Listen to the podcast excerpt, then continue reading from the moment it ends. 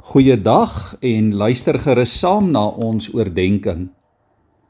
Hoe lyk geloof en waaruit bestaan geloof? Dalk klink dit na 'n vreemde vraag. En as mense wil ons graag meer geloof hê sodat ons die goeie stryd kan stry en die wedloop kan voltooi. Ons wil in die lig wandel te midde van ons omstandighede. Dit was Oswald Chambers wat geskryf het: Die wortel van geloof is die kennis van 'n persoon met 'n hoofletter. Ons groei in geloof deur 'n persoon te ken en daardie persoon is natuurlik vir ons as gelowiges Jesus Christus, die seun van die lewende God.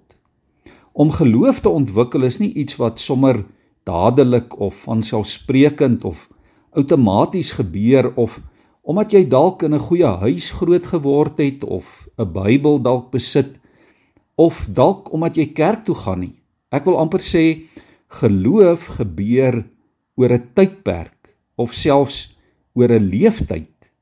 Geloof gebeur deur te luister na die wil van die Here en deur te leer om daarvolgens te lewe. Dit is in Jakobus waar verduidelik word dat Abraham 'n man was wat geloof gehad het. Ons lees daar die volgende: Die skrif is vervul, sê Jakobus, wat sê en Abraham het in God geglo en dit is hom tot geregtigheid gereken en hy is 'n vriend van God genoem. Ons weet ook dat Dawid was 'n man na God se hart. En dit alles omdat mense soos Dawid en Abraham, die sogenaamde geloofshelde van die Ou Testament, omdat hulle God geken het en tot hom gebid het en hom vertrou het. Die man waarvan ons lees in Markus 9 wat sy siek seun na Jesus toe gebring het, het Jesus geken. Dalk het hy net van Jesus gehoor, dalk het hy net van Jesus op 'n afstand geweet. En tog kom hy na die Here toe. Hy bring sy seun na Jesus toe met die woorde: Ek glo, maar help my in my ongeloof. En daarom is geloof ook 'n 'n progressiewe verhouding met God. Jy en ek word elke dag deur die Heilige Gees gehelp om te glo en om te groei in geloof.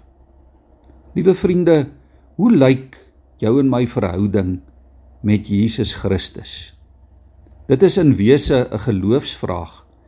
Die vraag is: wil jy en ek hom beter leer ken?